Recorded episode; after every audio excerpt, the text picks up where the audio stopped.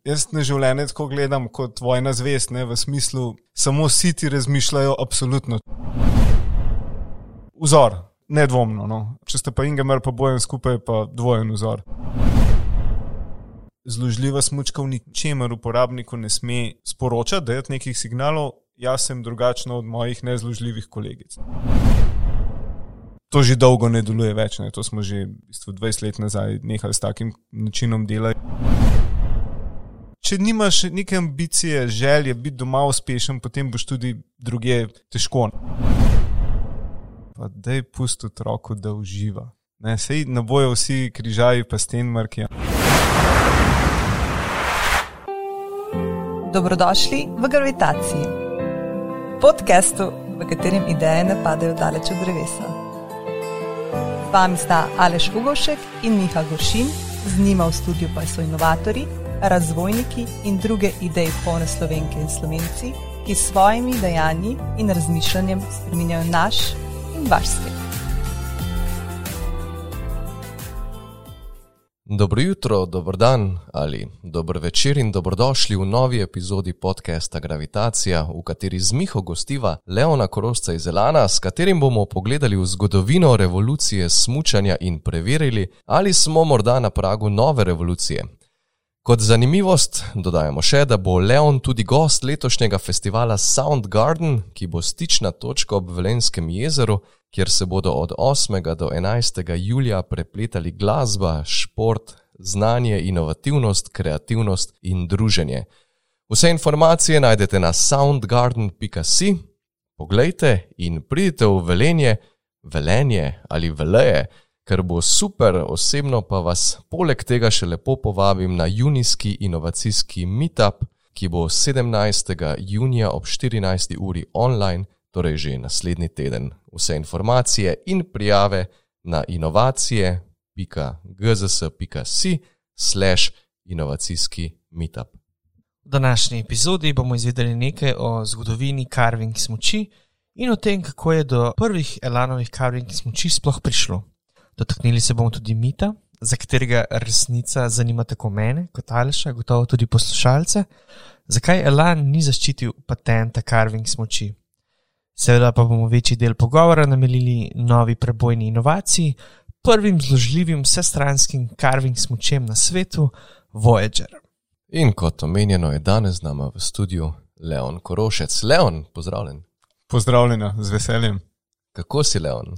Sem v redu. Poslušam tudi Aljošo Bogolo občasno in ja, se trudimo biti v redu in mislim, da je čist fajn, če si lahko v redu. Če si poslušal Aljošo Bagolo, poslušaj še zadnjo epizodo, ki je tudi posebna epizoda vodja za jutri, to bo zanimivo tudi za te. Vemo, o čem govorite. Tako, tako. Evo, in naj te predstavim Leona. Leon je direktor zimsko-športne divizije in podpredsednik skupine Elan, kjer je na različnih funkcijah predan organizaciji in njenim ljudem od leta 2001, torej ja, 20 let. Svojo poklicno pot pa je na prelomu tisočletja začel v podjetju Planika. Je pa tudi svetovalec direktorja podjetja KJK Sport iz Luksemburga, ki je lasnik Elana, sicer pa je Leon po izobrazbi magister ekonomskih ved in oče dveh otrok, ki prosti čas najraje preživlja na smučanju, turni smuki, kolesarjenju in jadranju. So to pravi podatki, Leon? Oče dveh otrok. Vse od neštetega drži, še vedno. A bi še karkoli dodal? Ja, da to, kar delamo, kar ste našteli, delamo z veseljem, z nekim entuzijazmom.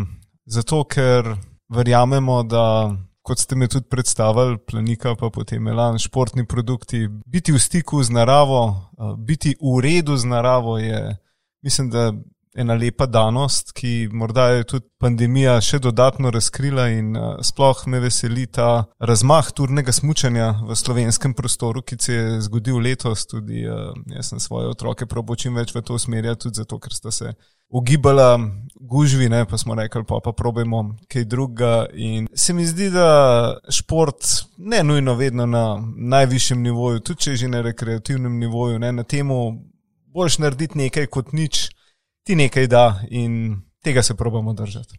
Lepo si to povedal. Imava pa še z Mihom nekaj vprašanj za te. Veš, Miha je profi stalker pri nas na GZS in te je postokal, da vidimo, kaj je našel v tebi. Me more kaj skrbeti. Uh, ja, ne vem, ne vem. ne, nič tazga ni bilo. Uh, mi je bilo pa zanimivo, sem začel iskati, ne iščem tvoje ime, tvoj primek, iščem tukaj pa tukaj, a ne takoj te najdem na LinkedIn, ok, super. Potem iščem naprej, pogledam še mal Instagram in najdem kar naenkrat polno sliko neki meditaciji. Pa rečem, a super, se pravi, poleg te divje športne narave tudi meditiram, ampak se sem bolj videl, da to ni bil tvoj profil. Ampak vseeno me zanima, se tudi sproščaš s tem, da si probo kakšno meditacijo ali pa mindfulness, ali se sproščaš sam prek športa? Morda najprej glede LinkedIn, pa Facebooka, pa Instagrama. Ja, morda najbolj sem po svoju LinkedIn, no, ker se mi zdi, da moj dan, kot ga živim, ali pa mesec, kot ga preživljam, nekako se najbolj z njim poistovetim, bolj ali manj poslovno, pa neke dobre prakse, pa nabiranje novih idej. Kar se pa mindfulnessa tiče, sem pa kaj poskusim jogo, um, mi je kar zrasla k srcu. No? Predvsem uh, kot uh, mal umiritev in, uh, bom rekel, skrb za hrbtenico, nekako tako v ravnovesju, če rečem, ne? zato da ne rabim delati tistih vaj, ki zdravnik reče, da jih moraš prijetno s koristnim, recimo temu tako. No? A imaš kakšne hude oprijete hlače za jogo? um, ma ja, imam. Sej, če jih nimaš, so ti v napoto. Ma ne, se ni problem to povedati. Pa prijeto majico moraš tudi imeti, če ne, kad delaš kakšne uh, položaje, pač ti zleze čez glavo, pa je v bistvu to bolj narodno kot. No, vidiš, nimaš, tega pa, tega ja. sploh nisem vedel. Oh, ja, okay. ja, priporočam. Priporočaš, ok, bom, ja. bomo poskusili z Alšom. Na spletu sem tudi videl, da so tvoje top destinacije za počitnice Boh in Dalmacija, pa Italija. To še drži. Ja, še drži, vedno bolj. Katero bi pa zbral, če bi lahko eno izmed teh zdaj, recimo, da bi se lahko zdaj tja odpravil? Jaz na življenje tako gledam, kot ne se smejati, kot vojna zvest, ne, v smislu, samo si ti razmišljajo, absolutno, če veste, kam mislim, ne, če ste fan, veste, kam mislim. Ne. Stvari je vedno treba postaviti v nek relativni kontekst. In ja, ta trenutek se je zima počasi izvenela, mi najbolj diši morje. No, če že omenjaš site, pa ja. že da je razumeš, ne, da ima vsak v sebi neko temno in svetlo stran. Zdaj pa kako ti iščeš ravnovesje tega, kaj ti pomaga pri tem? Vrednote, nekako tisti občutek, kaj je prav, ki ti ga v osnovi verjeten ne, dajo starši, vzgoja, šola in potem ga, predvsem, vedno znova na poslovni poti si ga skušaš učiti, ga izpiliti, brati, poslušati in si v tem izoblikovati neko svoje mnenje. Ja, ampak mislim, da v prvi vrsti mora biti človek iskren, pošten do samega sebe in iskati pri sebi tisto, kar je prav, da se ti sam pri sebi počutiš pomirjenega, da je nekaj prav, pa v ravnovesju. Super, zdaj bom pa še postavil tako predeno težko, mogoče težje vprašanje. No? Uh, ali si že omenil, ne? Smučanju, posvetiš svoj čas, turni smuki, kolesarjenju, uh, jadranju. Pa, če bi lahko zbral samo eno, da delaš samo eno stvar do konca življenja, Ne, Aha, to, je, to je ta tip vprašanja. Ja. Lahko delaš to cel življenje, super, ampak, ampak samo, samo eno. eno. Ja, ja, to se ja. mi zdaj dobro vprašam. Um, Hipotetično. A, a od teh naštetih lahko tudi vem, ja, lahko kuhanje tudi, dodam ali lahko, pa, lahko, um, lahko. pomivanje posode ali pa čiščenje stanovanja. pomivanje posode. Zdaj, če bi od prvo naštetih zbral, verjetno bi se odločil za študij. ne, ni zadnji odgovor.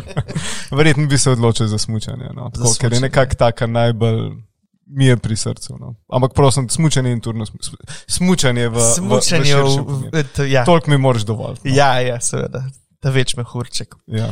No, ok, zdaj pa, če gremo lahko na temo, ne, pa začnemo kar pr. Uh, Carving, uh, smučanju, smučkah mm -hmm. in tehniki. To je postalo zelo mainstream v 90-ih letih, oziroma malo pred prelavom tisočletja. Uh, Danes je to glavni standard smutanja, verjetno pa ne vedo vsi, da je to zato kriv prav Elan. Uh, in sicer smoči Elan SCX, ne, če sem prav. Uh, tako je, sidecut extreme. Tako. Lahko zelo na kratko razložiš, mogoče malo zgodovino carvinga, pa sam razvoj, pa vse to sodelovanje, ki se je okrog tega pletlo.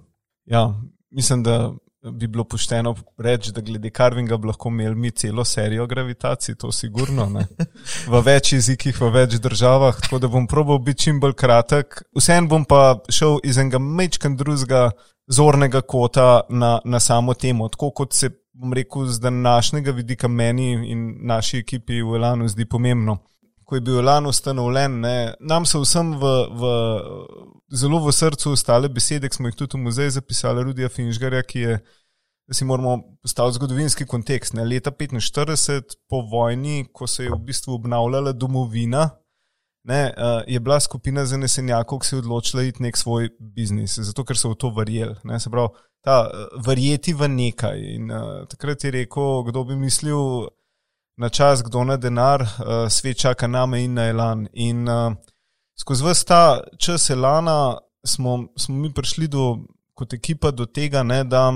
Zakaj v bistvu delamo to, kar delamo? Zato, ker verjamemo, da se vsakomur skriva izjemen smočar in da ima lahko izjemno smočarsko izkušnjo in si svojih ciljev ne opredeljujemo kot dokončne cilje, ne, te bom rekel, finite goals, ampak gledamo na podjetje kot pač na neko neskončno epizodo in delamo nekaj, kar je ne, nima konca. Ne. Vedno znova želimo navduševati smočarje z novostmi in vedno znova želimo na trg pripeljati nekaj novega. Ja, absolutno, zato tudi na Carving, ki je bila ena izjemna, izjemna prebojna inovacija za cel svet. Ne gledamo kot na tisti, če rečemo temu klimaks, ne, da je to bistvo Elana, ne, ampak je kot eno izjemno pomembno epizodo, ki se je zgodila, ki, na katero smo zelo ponosni, ki je del zgodovine, katero vedno znova radi poudarjamo, ker lepo je, da si v nečem prvi ne, in da imaš sposobnost to seveda potem tudi komunicirati naprej. Je pa ena od epizod, bile so epizode prej in se tudi nadaljujejo. Ne? Ampak vse pa izhajajo iz te želje, iz tega prepričanja, da jemo narediti nekaj, kar je smiselno, nekaj, kar bo pomagalo uporabnikom. In Karving je, ko ga jaz gledam, nedvomno pomagal vsem smučarjem, da so lažje smučali, lepši smučali, se tudi lažje naučili smučati. In uh, je pomenil ne samo tehnološki, ampak tudi na nek način edukativni preboj v smislu učenja smučanja se je spremenilo, filozofija smučanja se je spremenila. Skratka, cel kup nekih zgodb se je uh, rodilo ven iz Karvinga, šole so se spremenile in smo ponosni, da, da smo bili prvi na, na tem vlaku. Absolutno. To si lepo povedal, Leon. Si rekel, da je tudi edukativni in drugačen vpliv bil Karvinga. Ne? In večkrat razlagam, o različnih tipih inovacij, od stalnih inovacij do prebojnih in disruptivnih. Naprimer, carving smoči so bile prav iz tega stališča disruptivna inovacija, ker so zavrtele so industrijo, dojemanje smučanja in šle so mainstream, ne? šle so po celem svetu. Zato je to res en lep primer disruptivne inovacije. Te pa moram vprašati ob carving smočeh, ne morem mimo tega, Leon, pa verjamem, da ste vi že siti tega vprašanje. Nisem, ampak, Aleš, nisem. A, a, okay, veš, veš, kam grem. Okay, ja. Glej, slišim, da je Elan večkrat naredil, ne, večkrat slišim, da je Elan naredil napako, ne, da Carving smoči ni zaščitil s patentom. Sam sklepam, da zgodba vendarle ni črno-bela. Tak dizajn takšnih smoči je bil zaščiten s patentom že predtem. Je vsa ta zgodba glede patenta Carving smoči in Elana vendarle prenapihnjena in, in jo preveč opevamo slovenci? Kakšno je tvoje mnenje? Bi sploh lahko zaščitili? Po eni strani dokaj enostavno o tem govoriti, ker premalo vem, ker eh, bom rekel, ni neke osebne uh, konotacije, neke osebne upetosti v to, ne? tako da se v bistvu dokaj lahkotno lahko z vama o tem, uh, z vama o tem pogovarjam. Zdaj, zelo kratek odgovor bi bil. Tudi, če bi ga patentirali, bi se ta patent že iztekel, ne? ker so pač na nek način omejeni na 20 let. Lahko postavimo vprašanje, morda tudi kakšnega drugega zornega kota, ne? Kaj pa če bi to patentirali, pa se potem ne bi toliko globalno razširilo iz takih ali drugačnih razlogov, ne, ne vem, mogoče lobiranje ostalih proizvajalcev ali kakorkoli. To, to so seveda zgolj, zgolj in samo špekulacije.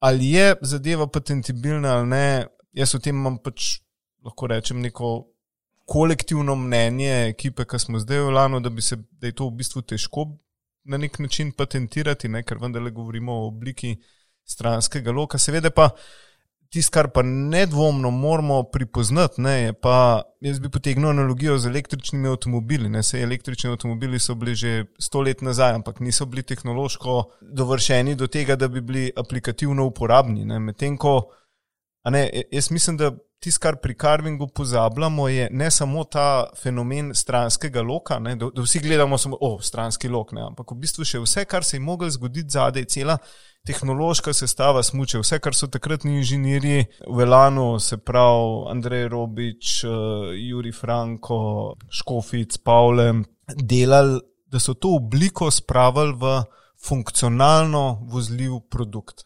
Se pravi, cel kup enega predznanja je mogel biti, ne? se pravi, stali so sigurno na ramenah, na ramenih nekih generacij, ki so verjetno nek preboj že naredile. Ne? In pa kaj vse se je moglo zgoditi, da je produkt postal ne samo vozljiv, ampak tudi proizvedljiv. Ne? Ker se veliko idej na papirju zgleda vrhunskih, ne? potem veliko krat trčimo, ali je to sploh proizvedljivo. Ne? Tretja stvar je pa, okay, ali je to sploh možno upeljati v neko serijsko proizvodno. Ne? In tukaj se mi zdi, da so vse te tri stvari prišle, prišle zelo lepo skupaj. Ne? In je ratala, rečemo, kar lahko rečemo, tistmu smiselna inovacija v angleščini, meaningful innovation, ki postavlja, ki združuje kontekst, človeški kontekst, ne se pravi, zakaj, kakšno težavo ali pa kakšen problem uporabnika naslavlja. Da ima to nek poslovni smisel, ne, in da, da je tudi tehnološko podkrepljeno, izvedljivo, proizvedljivo. To se je takrat nedvomno, nedvomno zgodilo. Seveda, ideje o, o nekem loku so obstajale, prostite, res nisem zgodovinar in nisem šel pogledat vseh zapisov, ne, kdaj se je ta stranski lok že pojavljal, ampak tudi, bom rekel, v letu 1940 to nič ne koristi, če ne znaš tega spraviti v izdelek, ki na koncu srečuje uporabnika. Ker to je tisti končni smisel, da, da mi naredimo nekaj, kar vama, se zdaj le malo nasmihata, nariše še večji nasmeh na obrazu. No, to. Ja, kako si to lepo povedal.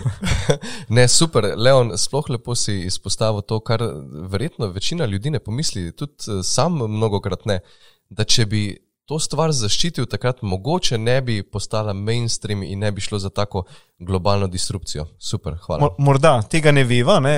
veva pa, da je to naše, da, smo, da je Lan s tem začel in da smo mi smo v prvi vrsti na to ponosni no, in se ne obremenjujemo toliko, kaj bi bilo, če bi bilo. Zdaj pa, če gremo neki korak naprej, ne, po prelomu tisočletja, je pa Alan prišel v slovensko lasništvo, uh mhm. -huh. kar je pa pomembno vplivalo na samo strategijo blagovne znamke, razvoj in samo delovanje podjetja. Kaj se je tukaj zdaj spremenilo in kaj je to najbolj vplivalo? Barva. Barva. Malo zahecno za, za, za uvod. Ja, takrat je Elanova signalna barva postala zelena.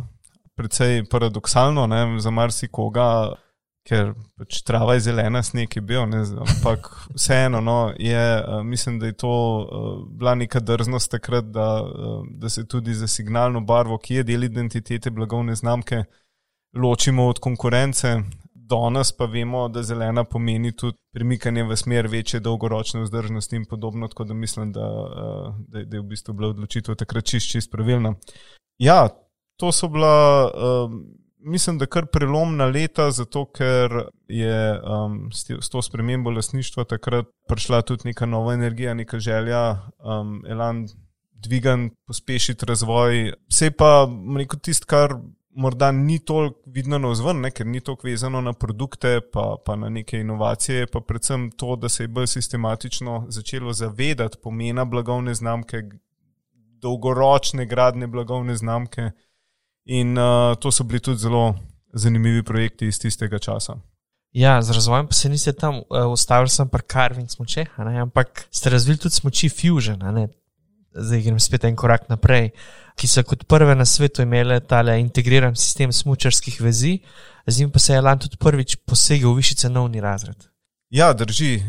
To so bila leta, ko se je rekel, na smočarskem trgu, predvsem na poslovnem delu trga, ne, začela ena rečemo temu mehka revolucija, ker revolucija bi bil prehud izraz. Predvsem to, ne, da smoči so bile zgodovinsko smoči in pa vezi, ne, in potem si izbiral, kaj, kako boš vzel. Takrat je pa začelo se obdobje tako imenovanih sistemov. Ne. Se pravi, tudi zaradi, bom rekel, poenostavitve nakupne odločitve uporabnika, um, zato da rekel, nakup smočarske opreme ni nek kompleksen proces, ampak neka večja enostavnost, uh, se je začel združevati uh, smoči in vezi, uh, postali so tako imenovani sistemi. In um, takrat je Lam predstavil prvi na svetu, zopet popolnoma integriran sistem smočarskih vezi. Poimenovali smo ga Fusion, ne, kot neko zlitje, in dejansko so bili deli vezi ugrajeni v smočko, že v času, ko, ko, ko se smočka proizvaja.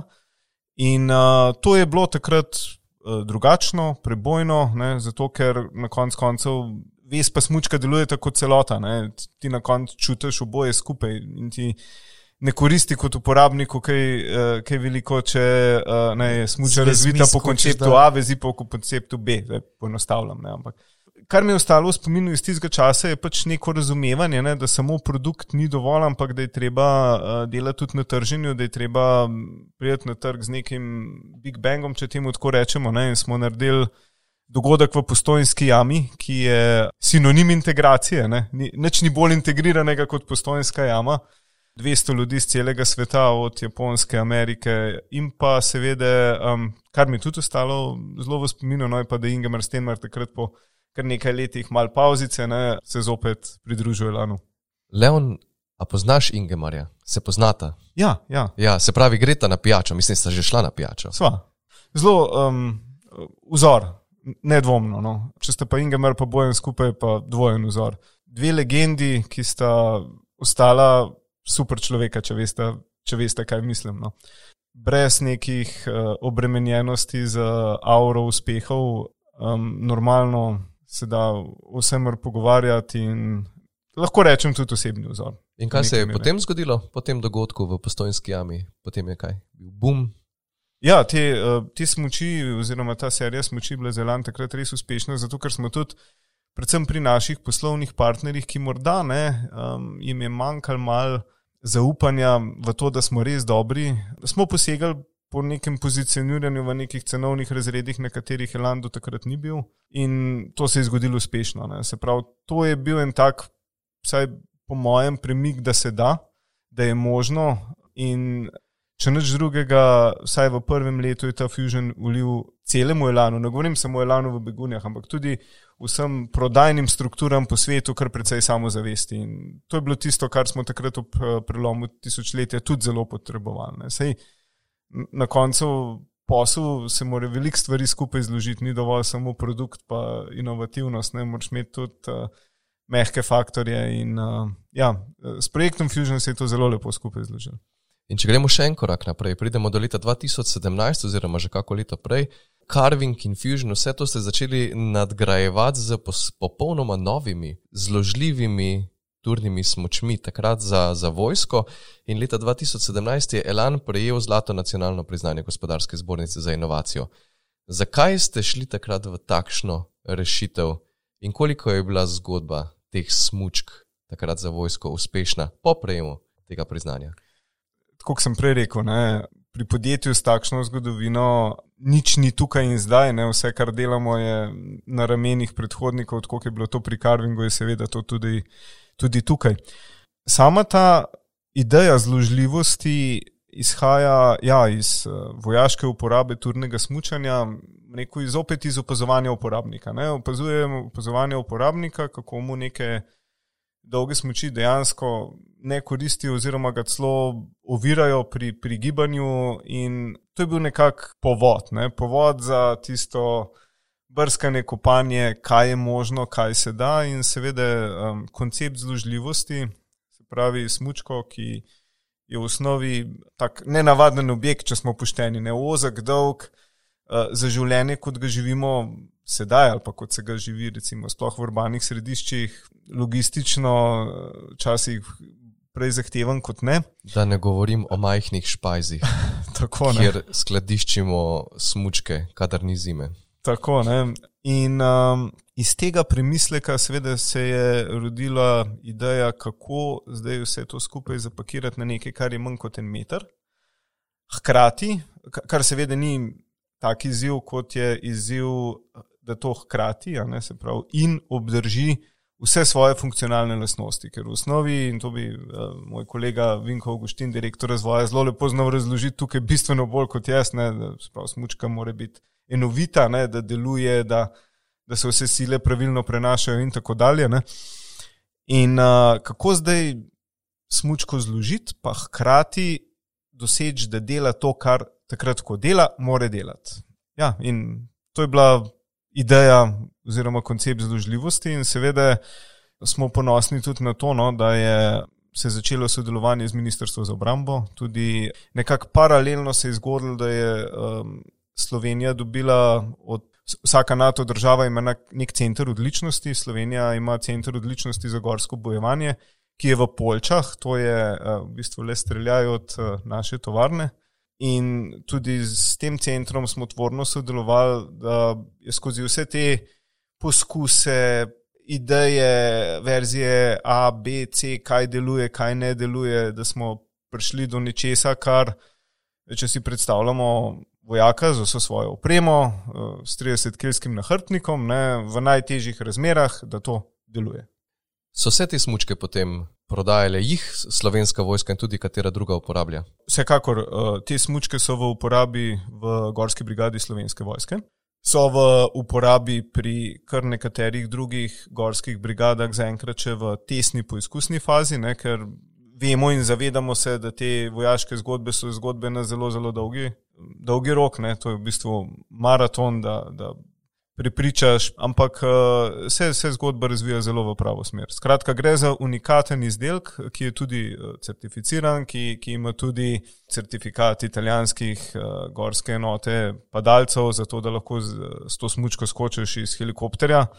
In tako dalje. Ne? Skratka, um, vedno več potrditev, da je primerna za uporabo v, v gorskem bojevanju. No, in potem je prišlo leto 2021 in Elan je svetu pokazal Voyagerja, prve zložljive, vse stranske carving smoči na svetu. In predstavitev, se spomnim, je potekala preko spleta. Sam sem gledal to premjerno predstavitev skupaj z otroki iz dnevne sobe, seveda takrat smo bili vsi zaprti, delali smo od doma. In ne bom pozabil sinovega navdušenja. Nad vašo rešitvijo, ko smo gledali celotno predstavitev in smočke, in kaj počne Filip Fliser z njimi. Povej, Leon, kako poteka tak razvoj, tako prebojne inovacije v Elano. Sedaj smo na Voyagerju. Sedaj smo na Voyagerju. Ja, najprej hvala, da ste gledali. Um, me tudi veseli, da smo vam malo popestrili uh, te uh, popoldne. koronske popoldneve. Kot rečeno, ne, inovacija, ki se je rodila z namenom uporabe v, v, eh, v turni smuki, eh, seveda se nam je zdelo, da ni potrebno, da se tukaj zaključi. Ne? Se pravi, da ta eh, ideja, kako nekaj zložiti, pa hkrati obdržati vse funkcionalne lastnosti, da ima bistveno širše možnosti uporabe. Ne? In seveda, ta prva stvar, na katero smo pomislili, je uh, ta megatrend urbanizacije, globalizacije, vedno več ljudi potuje z letali, te dodatki, ki jih morajo plačevati, so postajali vedno večji. Pravi, zopet smo gledali, okay, kako lahko to prenesemo na neko drugo ciljno skupino, da jim olajšamo en kar raztoč izziv, problem. Sveda, mor, moramo se zavedati, da odnos do potovanja v letu 2019 je bil popolnoma drugačen, kot, uh, uh, kot ga gledamo danes. Vmes se je zgodilo še nekaj, kar uh, Eh, nihče od nas ni pričakoval, ampak verjetno se vsaka stvar zgodi namenom in tudi uh, z nekim namenom, in tudi tukaj smo našli potem nove poti. Kolegi iz razvoja Elana bodo seveda povedali, ne, da um, eno je, da, da, da je smočka uporabna za turne namene, ne, kjer v bistvu more dobro oddelati svojo nalogo hoje na vzgor in tega, da se odsmučaš dol.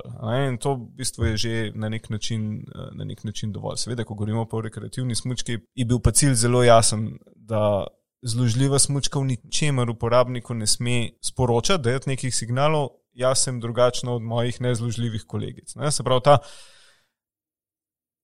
Kakorkoli rečemo, smočarski dan ni samo tistih nekaj zavojev po snegu, ampak to je tisto bistvo ne? in tega bistva ne smemo prikrajšati.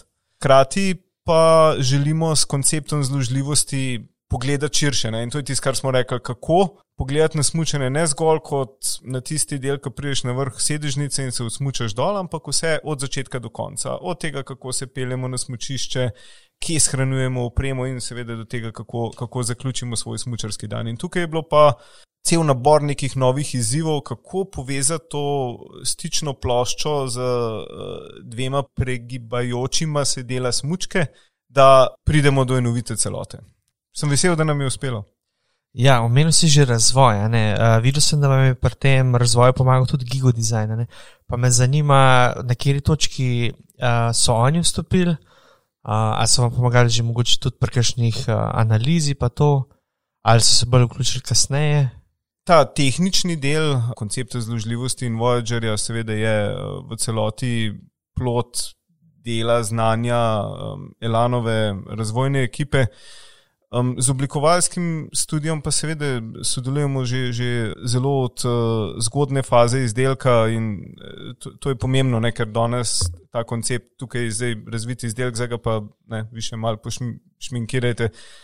To že dolgo ne deluje več, ne. to smo že v bistvu 20 let nazaj nehali s takim načinom dela in oblikovalce, bodi si interne, ne, se pravi v tem projektu so prvič sodelovali tudi neki mladi interni oblikovalci um, in pa oblikovalski uh, studio Gigo Design um, in skupaj, a ne, to je pač skupno timsko delo, ki ima seveda včasih tudi določene izzive, uh, ampak prav je tako, ker skozi te izzive se rojevajo tudi rešitve, nastaja energija in pride do boljšega rezultata. Ja, seveda, kot uh, industrijski oblikovalec, jaz sam Aha. se zavedam, da je točno to, kar si povedal, ne, da je treba oblikovanje prej vključiti, da lahko cel produkt ne, na koncu res je tako, ker si ga zastaviš. Se mi zdi, da je to vredno izpostaviti, ker se mi zdi, da še zmeraj veliko podjetij na koncu hoče oblikovalce vključiti samo zato, da bi neki pošminkali. Ne. Ampak se mi zdi, da to je super za izpostaviti. Ja, ja de delamo pa seveda veliko tudi na tem, da oblikovalci razumejo neke tehnološke procese, tehnološke omejitve. Da, da se sicer mentalno s tem ne obremenjujejo preveč, ampak vendarle, da imajo vsaj tisto okvir, ne? ker velikrat rečem, ko govorimo o neki kreativnosti, jaz mislim, prava kreativnost je takrat, ko ti postaviš neke meje. Ne? Kreativnost na praznem listu papirja, seveda je, je ravno tako kreativnost, ampak prava kreativnost je takrat, ko ti postaviš nek frame, ne? pa rečeš, to je, to je box, znotraj katerega se lahko gibljemo in zdaj, da pa tam noter najdeš pravo rešitev, to je pa potem tudi rezultat. In to je tisto bistvo design managementa, o katerem se toliko govori, pa vendarle ljudje ne razumejo. Zanimivo vprašanje. Ja, lahko bi rekli, da je, da je, da je to tisto bistvo. Ne? Mislim, da je prav, da se pove um, sama terminologija besede design. Um, v, v angleščini tu design pomeni mečkaj širše kot samo uh, oblikovati. Ne? Tudi del razvoja je znotraj tega konteksta tudi design, ne? se pravi nekaj ustvariti, bi rekel, kot, kot pa zgolj oblikovati. Ja, Design, uh, design management je v bistvu razumevanje, predvsem se mi zdi razumevanje uh, potreb uporabnika in pa to, da nekaj rešujemo. Ne? Neko uporabniško izkušnjo damo v kontekst in da razumemo uh, omejitve in usmeritve podjetja uh, ob tem tudi hkrati. Ne? Uh, videl sem pa tudi, da sodelujete ne, z uh, Fliserjem. Videl sem, da si, mislim, da na Facebooku ali na, ali na LinkedIn, da si komentiral, da mu brada bolj paše kot samo brki. Jo, to pa ne vem, če, se, če, če, če je bil moj komentar. Ne, mogoče si ga samo lajkal. No? lajkal sem ga pa sigurno. Ja, Filip je v bistvu za časa svoje profesionalne kariere z Elanom ukvarjal se z različnimi športi, sprav je naraven talent za smutanje, brez dvoma. Ne. Bil je del Elana uh, v času, ko smo mi delali ta pomemben strateški premik proti smučarskemu krosu ne, in je bil tudi en zelo, zelo, uh, zelo pomemben lik. Uh, In tudi zdaj, ko zaključuje športno kariero, ostaja z nami, eh, super dečko, vsi v Lano ga imamo radi in uh, verjamemo, da bomo še veliko zanimivih zgodb skupaj, skupaj lahko ustvarjali. Ja, tudi v projektu Voyager je svojo, ko naj temu rečem, svojo neposrednostjo, iskrenostjo uh, lepo predstavil vzdržljivost produkta. No. Ja, ja, definitivno je to en zanimiv uh, pristop uh, sodelovanja z influencerji. Imáš mogoče tukaj na tej točki kakšen nasvet za druga podjetja, kako vključiti neke influencerje ali pa kako jih najti ali prepoznati? Vsako podjetje ima neke vrednote, če govorimo blagovni znamki, blagovna znamka ima neke svoje vrednote. Ne? Se pravi, tukaj mislim, da ta prvi fit mora biti tukaj, ne? ali pa ta prvo ujemanje. Ne? Se pravi, da delaš skupaj s podobno mislečimi ne? in da samo zato, ker bom tak ekstremen primer postavil, ne samo zato, ker je nekdo uspešen influencer, to ne sme biti razlog, da, da z njim sodeluješ. Ne more biti ta, more biti kemija, ne? tako kot Se, kaj pa je to drugače kot v osebnih odnosih na nek način. Ne? Sej, in uh, če se najde ta kemija, potem uh, te stvari stečejo, mislim, bolj spontano, sproščeno. Se pogledaš, pa veš, kaj moraš narediti. Sej, v tem videu, ki mislim, da je to z naskokom zdaj najbolj gledan, lano video, sem, tukaj ni zdaj, da smo Filipa tedne in tedne briefirali, kaj mora narediti. Ne? Mi smo pač povedali, smo rekli, to želimo pokazati. Ne? Mi želimo povedati, lej, da da ti pokažeš, da te smuče pač zdržijo. Ne? To je bil namen in seveda nekaj dela z agencijo, ampak vse en. So, so stvari izpadle, mislim, da zelo sproščeno in spontano. Zanima me tudi, kako ste pa trg, sam trg um, analizirali, pa testirali. Ja, analiza trga se je začela v nekih drugih časih, se pravi v letu 2019, ko je wow, cela Anglija potovala, pa vsi nizozemci potovali, pa cela vzhodna zabala Amerike je hodila v, v Utah, pa Kolorado smučati, ne, pa vsi so. Vsi, vsi smo se rokvali, ne, pa stiskali, lupčkali, vse je bilo. Že to ne, vsi uh, avioni, vlaki in podobno. Ne. To je bil primaren vzgib, zato smo tudi rekli London kot centerpunkt ali pa glavna točka za, za Voyager, ker verjeli ali ne, ne, Velika Britanija prav velik trg za ekonomsko gledano, ni velik trg za prodajo smoči, so pa tretja nacija v Evropi po, po smučanju. Ne? Se pravi, Angliji oziroma Britanci, kakorkoli opredelimo ta otok. Zelo radi hodijo v Francijo, v Avstrijo na smučanje, in um, zato se nam je zdela to primarna ciljna skupina. Um, in verjamemo, da se bo to, to vrnilo. Ko se je zgodila pandemija, je bil za nas mečkan trenutek ups, kaj pa zdaj. Ampak potem smo hitro videli še nekaj drugih momentov, ne? se pravi ta uh, trend lokalnih mobilnih počitnic. Videli smo, ljudje so začeli rentati avtodome, vedno več uh, je bilo teh nekih malih lokalnih, dva dni, tri dni uh, idej za potovanja. Ne? In smo rekli, ok, sej Voyager ne rab mu na čelu pisati, da je to smočka, s katero greš na letalo. Ne? To je v bistvu smočka, ki ti olajša dostop do smočišča iz nekih urbanih središč, tudi z avtom, tudi z vlakom ali na kakršen koli drug način. Ne. Tako da v bistvu, zdaj ste me že um, mal izvala, če temu tako rečem, ne, v bistvu zelo spontano, malo razmišljam. Bi si skoraj upal reči, da nam je ta epidemija razširila pogled na Voyager. Ne? Se pravi, da nismo tako osko več gledali eh, smočka za avion, ampak smo rekli, da je v bistvu, ne, če si tam le v Ljubljani v 12. nadstropju, se boš v Kransko goro bistveno lepš pelal na smutanje z Voyagerjem kot s kakšno drugo smučko. Ne. Po drugi strani pa tudi smo iskreni ne, in lepo rečemo, pogled, če stanuješ v Kranski gori, ne rabaš ti smučke, dej, kar je bolj primerno za tebe. Ne. Mislim, to se mi zdi pomembno, da si kot brand iskren. To je zelo dobro. Zdaj sem si na sliku, da se pelem z mojo malo mazdo ne, tam proti Kranski gori s temi majhnimi smočkami. Super, Leon. Eh, zelo dobro je tole razširila ta pandemija, vaš način dojemanja. Povej mi, a ste zaščitili rešitev? A ste zaščitili zdaj Voyagerja? Ja, gre za takšne tehnološke rešitve, da jih je možno zaščititi in smo jih zaščitili. Se pravi, več. Patent, dizajn, blagovno znamko, vse. Da. Kaj pa nagrade? Vem, da je bilo nekaj nagrad, dobili ste Red Dot Award in to ne samo en Red Dot Award, en poseben Red Dot Award, najvišjo možno. Dobili ste posebno nagrado, inovacijsko nagrado v Nemčiji, če se ne motim, Drži. še karkoli drugega. Mislim, eh, vem, da ste oddali sedaj tudi prijavo za inovacije, gospodarske zbornice, Drži, to bomo ocenjevali. Ja? Si, si, si jo zelo želimo. Um, veš, kako je Slovenija za nas ni največji trg, se to vsi vedo. Ne? Ampak vendarle, če nimaš neke ambicije, želje biti doma uspešen, potem boš tudi druge težko. Ne? Tako da, ja, nam uh, nagrada gospodarske zbornice nam veliko pomeni, uh, vsakič, kadar jo uspemo dobiti in uh, ima kar pomembno mesto v, v, v pisarni našega razvojnega oddelka. Bi pa morda dve, tri besede še glede Red Dot nagrade. Ne vem, če vidva veste, ko je Lan dobil svoj prvi Red Dot, smo imeli dogodek v, v, v tej hiši, uh, mislim, da v četrtem nadstropju, to je bilo leta 2006. To je bil prvi red dot uh, za Elan, absolutno smo bili uh, zelo ponosni na njega, za smoči Speedway. Um, Leta 2006 še niti v službo nisem hodil. no, evo, sta pa tudi vidva nekaj novega zvedla. In uh, potem se je nekaj teh nagrad red dot za nas še zvrstilo, ne, seveda, prve ne pozabiš nikoli, vsake naslednje smo bili veseli, ampak zdaj te best of the best, ne, se mi zdi pa.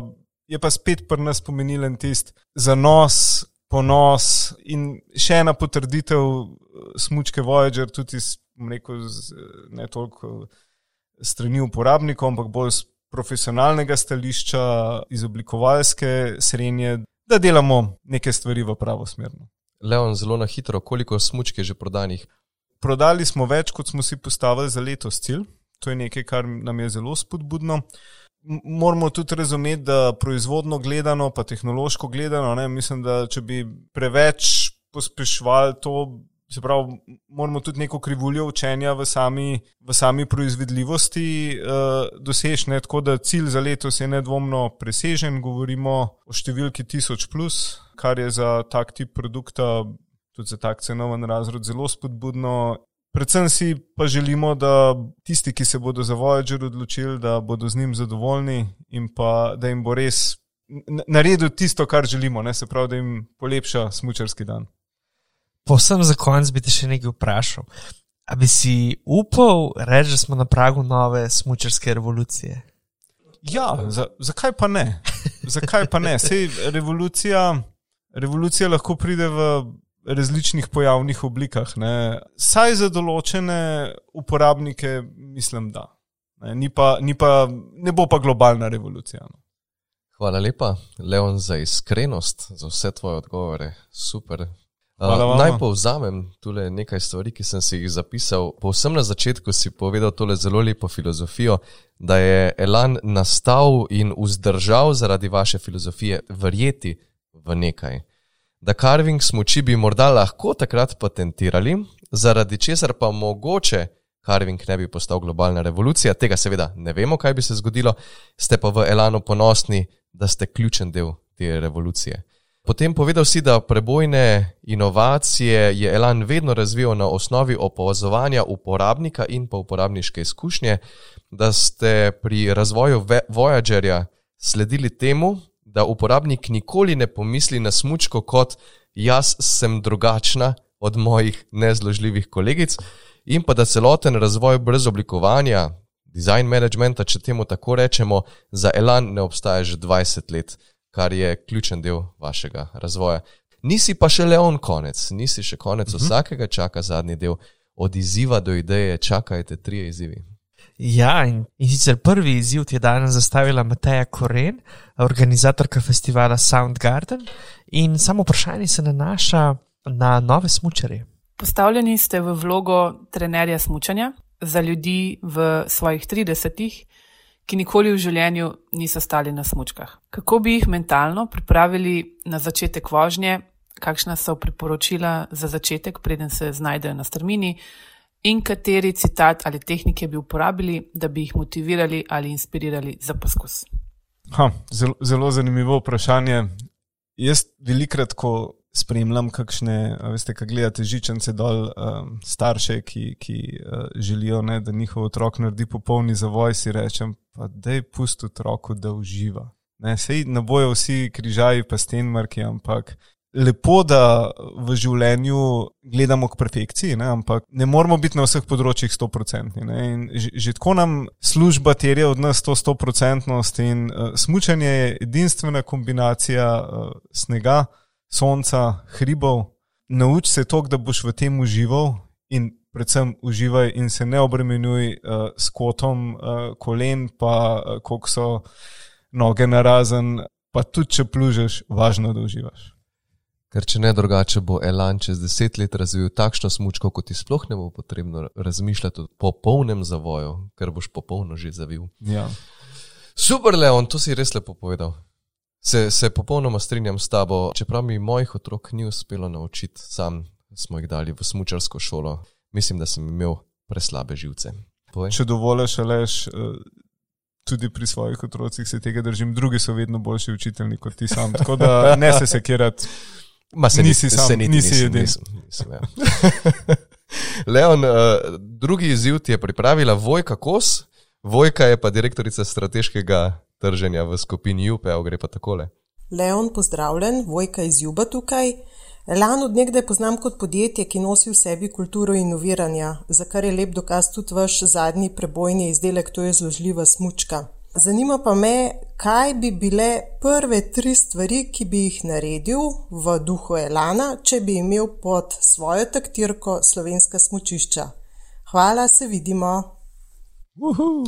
Uh, o tem pa nisem še nikoli razmišljal. Hvala, Vojka, da mi, um, da mi razširjaš obzorja.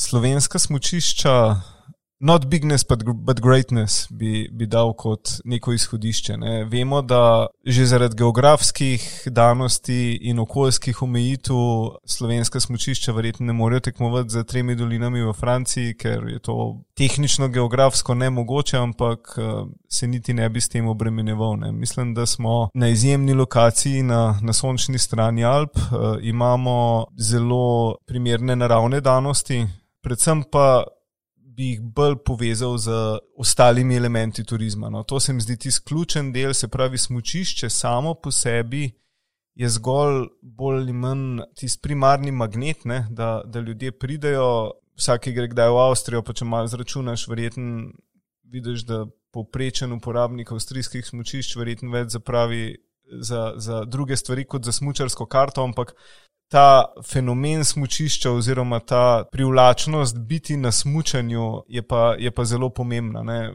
Se pravi, predvsem povezovati delovalno z lokalnimi skupnostmi, kjer smučišča so in vključiti širši, eh, širši kontekst turistične ponudbe v smučiščih. To bi se mi zdela najbolj pomembna, najbolj pomembna točka. Ja, super odgovor. Mislim, da lahko marsikdo kaj eh, od tega mogoče dobi kakšno idejo ali pa odnese. Zdaj pa gremo k ta zadnjemu izzivu, ki ti ga je pa postavil Marko Škrbin, in sicer direktor uh, nautične divizije Paralano. Uh, izziv pa so mu pomagali pripraviti člani tvoje ekipe. Zdravo, Leon. Moj izziv bo malce bolj sproščene narave, da se vsi v studiu in poslušalci odpočijete od resnih debat. Ker si jadralec po duši, oziroma veliko jadraš in ker smo bili na dan tega posnetka ravno na jadranju s tvojo ekipo, smo se skupaj odločili za sledeči izziv. Prosim, naštej 3 do 5 nautičnih vozlov in namen, zakaj se uporabljajo, ter opiši kakšen dogodek, ki se ti je pripetil po tvoji krivdi ali krivdi drugih zaradi napačne uporabe vozlov. Hvala. O, Marko, o, ekipa. Ampak sem pa vesel, da so šli na, na, na bolj sproščeno. Pet nautičnih vozlov, okay. pašnjak, moški vozel, vrzni vozel, vozel za, Še dva. vozel za sidro, sidrni vozel. A je še Um, ženski voz, če je moški voz? Ja, je, je, je to še ženski vozel, no recimo, da šteje. Ne. Um, jadranje je neka, neka poletna strast. Moram pa priznati, no, da imam kar že en tak renome, da mi je uspel dve propele od Bowtrasterja že pojesti za vrvjo, se pravi z Muringam v, eh, v pristanišču. Ne. Se pravi, eh, se je zgodilo prvič. Um, pa bi človek rekel, se bo nekaj naučil, ampak se še nisem naučil in se je zgodilo še drugič. No. Tako da je pač en košček plastike, ki potem ga morajo zamenjati. Ni ne vem, kakšna investicija, ampak tistih par dni jadranja, ki ti ustane, pa moraš malo več sposobnosti v to pokazati. Ja, tako da sem uh, mojster za, um, za Bowtraster. Mislim, da so to imeli v mislih. No. Ja, se veš, kako rečejo, živemu človeku se vse zgodi. Ja, ja. Ja, super, eh, hvala ti tudi tukaj za iskrenost. Zdaj z izzivi smo zaključili, eh, super si jih opravil. Eh, Bi pa za naše poslušalce zdaj tudi z Zalešem delila še en uspešek. zavedava se, da se korona umirja in da je vse več ljudi zdaj že cepljenih in da se bomo slejko prej zdaj spet uživo srečevali, ampak vseeno za ene stike, ki so pa mogoče iz tujine ali pa za večje število ljudi, pa sem našel eno zelo zanimivo aplikacijo in sicer gre za virtualno sobo. Po kateri se lahko sprehajaš, se premikate in se pogovarjate samo z ljudmi, ki so v vašem ožjem um, radiju, in se tako lahko v bistvu po sobi sprehajate in vključite v več različnih pogovorov. Gre za neko bolj naravno druženje. Ta spletna aplikacija je čist za ston in reče si sicer uh, Kumo Space, K-U-M-O-S-P-A-C-E, napiše se skupaj. Zanimivo. Hvala lepa, Miha, za tale uspešek. Mihovi uspeški torej v vsaki gravitaciji. In s tem uspeškom tudi zaključujemo tole epizodo. Torej, hvala, Miha, Leon, hvala tebi. Aleš, Miha, najlepše hvala vama. Um, bilo je zelo prijetno, zabavno, ste super ekipa in hvala za povabilo. Lepo lepo te je bilo gledati, kar že riše, ko razlagaš o Voyager, res fajn. Drugač pa hvala vsem vam, da ste poslušali tole epizodo do konca. Leona lahko kontaktirate preko elektronske pošte leon.korosec.afna.elan.si ali preko njegovega LinkedIn profila. Slišimo se ponovno v naslednji epizodi čez dva tedna, ko bo vas Miho gostila Branko Viltužnik iz podjetja Plastika Skaza. Lep dan in vse dobro.